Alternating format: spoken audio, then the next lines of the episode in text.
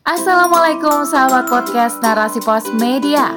Di sini Dewi Nasya kembali menemani ruang dengar Anda dalam rubrik motivasi. Kali ini dengan judul Semua Bukan Milik Kita oleh Ayah Ummu Najwa. Tidak ada Tuhan selain Allah. Baginya kepemilikan dan pujian.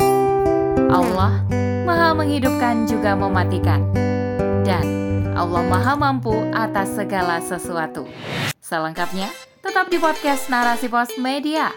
Narasi Pos, cerdas dalam literasi media, bijak menangkap peristiwa kunci. Setiap kita tentu pernah punya sesuatu yang tiba-tiba hilang dan tak kembali. Baik itu barang kecil hingga harta berharga. Apakah itu teman, anggota keluarga, seperti anak, istri, suami, atau bahkan orang tua kita. Pekerjaan, harta benda, tabungan, dan lainnya seketika tiada. Kira-kira siapa yang mengambilnya? Padahal kita sudah berusaha sekuat tenaga untuk menjaganya. Akan tetapi, yakinkah itu semua milik kita? Bukankah kita sudah paham bahwa seisi dunia ini hanya milik Allah? Bahkan roh manusia pun hanyalah titipannya. Benar, semua hanya titipan dan suatu saat pasti akan diambil kembali. Termasuk harta dunia yang sering membuat kita lupa. Disebabkan kita merasa telah bekerja keras, mencurahkan segala potensi untuk meraihnya, mendapatkannya, dan mengumpulkannya. Sehingga kita merasa itu adalah hak dan pencapaian kita. Maka, hal itu memunculkan sifat pelit dalam diri, tak mau berbagi dan takut kehilangan kita akan marah, kita akan sedih, dan kita akan tidak terima ketika harta kita berkurang. Padahal itu hanyalah sebuah pinjaman, dan siap atau tidak, setiap saat pasti akan diminta kembali oleh pemiliknya. Memang sudah fitrahnya manusia, diciptakan untuk mempunyai rasa suka pada harta dan perhiasan dunia. Sebagaimana firman Allah dalam surah Ali Imran ayat 14. Dijadikan indah pada pandangan manusia, kesukaan kepada segala yang didambakan, yakni wanita, anak-anak, harta benda yang banyak, baik dari jenis emas, perak, kuda pilihan, binatang ternak, juga sawah dan ladang. Itulah kesenangan hidup di dunia, dan di sisi Allah lah tempat kembali yang baik. Segala perhiasan duniawi ini terlihat begitu menyenangkan dan membuat lupa. Dengan kecenderungannya, manusia lupa bahwa semua hanyalah pinjaman, boleh memakai sekedarnya, tapi bukan memilikinya. Jika sudah waktunya diambil, maka harus direlakan. Manusia hanya boleh menggenggam, bukan menyimpan di dalam angan. Jadi, ketika sang pemilik mengambilnya, ia tak akan menyesal, meratap, sedih, apalagi murka hingga menjadi durhaka. Imam Ibnu Al-Qayyim rahimahullah pun berkata dalam saat Al-Ma'ad, Sungguh seorang hamba itu baik dirinya, anak istrinya maupun hartanya, hakikatnya milik Allah Azza wa Jalla. Sungguh, Allah telah menjadikan semua itu sebagai pinjaman kepada hambanya. Karena itu, jika Allah mengambil kembali semua itu dari hambanya, maka dia seperti pemberi pinjaman yang mengambil kembali barang miliknya dari peminjamnya. Tentu kita masih ingat kisah Korun yang ditenggelamkan Allah karena harta. Jika ilmu adalah lambang kemuliaan para rasul dan ulama, maka bagi Korun, harta adalah lambang kesombongannya. Ia lupa bahwa harta yang ia miliki adalah pinjaman dari Allah untuknya. Ketika ia miskin, ia taat. Ia meminta Nabi Musa alaihissalam mendoakannya agar Allah karuniakan harta padanya. Namun setelah kaya, ia begitu kikir, bahkan sombong dan mengakui bahwa hartanya adalah hasil kerja kerasnya sendiri. Ketika ia keluar berparade memamerkan harta titipannya itu, banyak manusia melihat dan terpukau.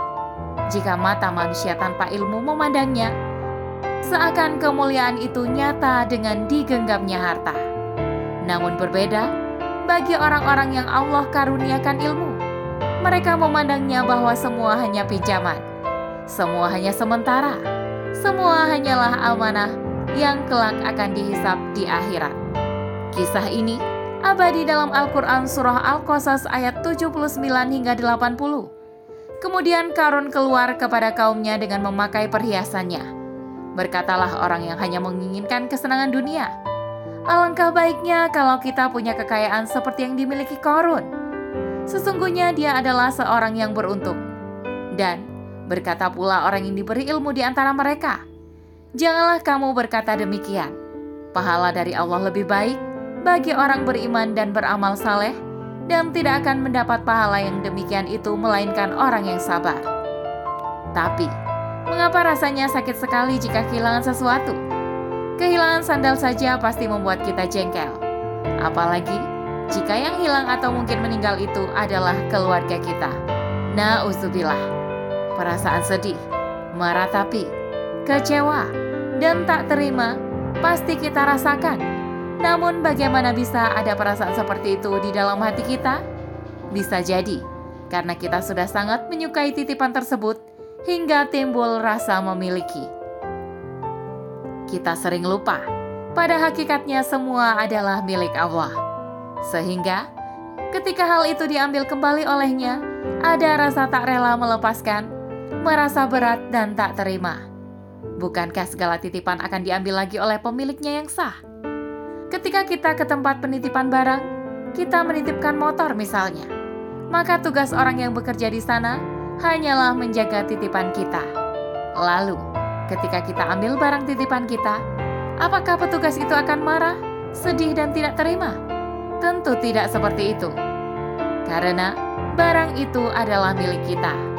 Begitu pula dengan semua yang Allah titipkan kepada kita Sedih itu wajar dan manusiawi, asal jangan sampai tidak terima, meraung-raung, meratap, hingga depresi tak berkesudahan.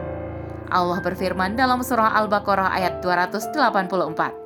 Segala sesuatu yang ada di langit dan di bumi hanyalah milik Allah. Punya Allah berarti bukan punya kita. Maka, ketika kita mengatakan semua adalah milik kita, kita pasti akan stres ketika kehilangan karena kurangnya rasa syukur, kita pun lupa hakikat kepemilikan. Bersedihlah sewajarnya. Akan halnya seorang istri ketika ditinggal suami. Bersedihlah sewajarnya. Berdoalah dan yakinlah bahwa Allah akan mengumpulkan tiap pasangan di akhirat kelak dengan abadi dan tak akan terpisah lagi. Insya Allah. Jadi, semua hanya pinjaman. Semua hanya titipan. Semua yang ada pada diri kita adalah pinjaman. Maka, gunakan sesuai aturan Sang Pencipta. Keluarga pun hanya titipan, maka perlakukan mereka dan ajak mereka agar berperilaku sesuai dengan aturan Sang Pemilik kehidupan.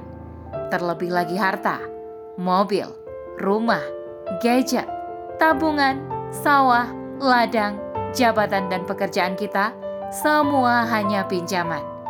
Jangan dimasukkan ke hati, Jangan terlalu digenggam, gunakanlah mereka sesuai dengan aturan sang pemberi pinjaman.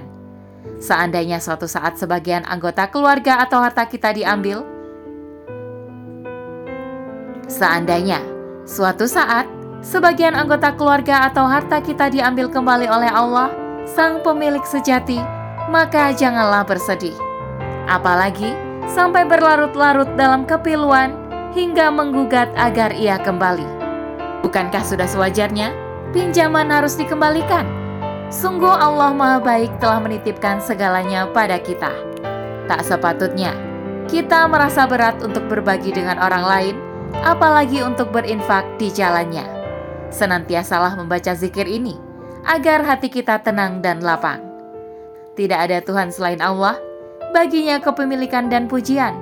Allah Maha menghidupkan juga mematikan, dan Allah Maha Mampu atas segala sesuatu. Demikian rubrik syiar kali ini, sampai bertemu di rubrik syiar selanjutnya. Saya Dewi Nasya kundur diri. Assalamualaikum warahmatullahi wabarakatuh.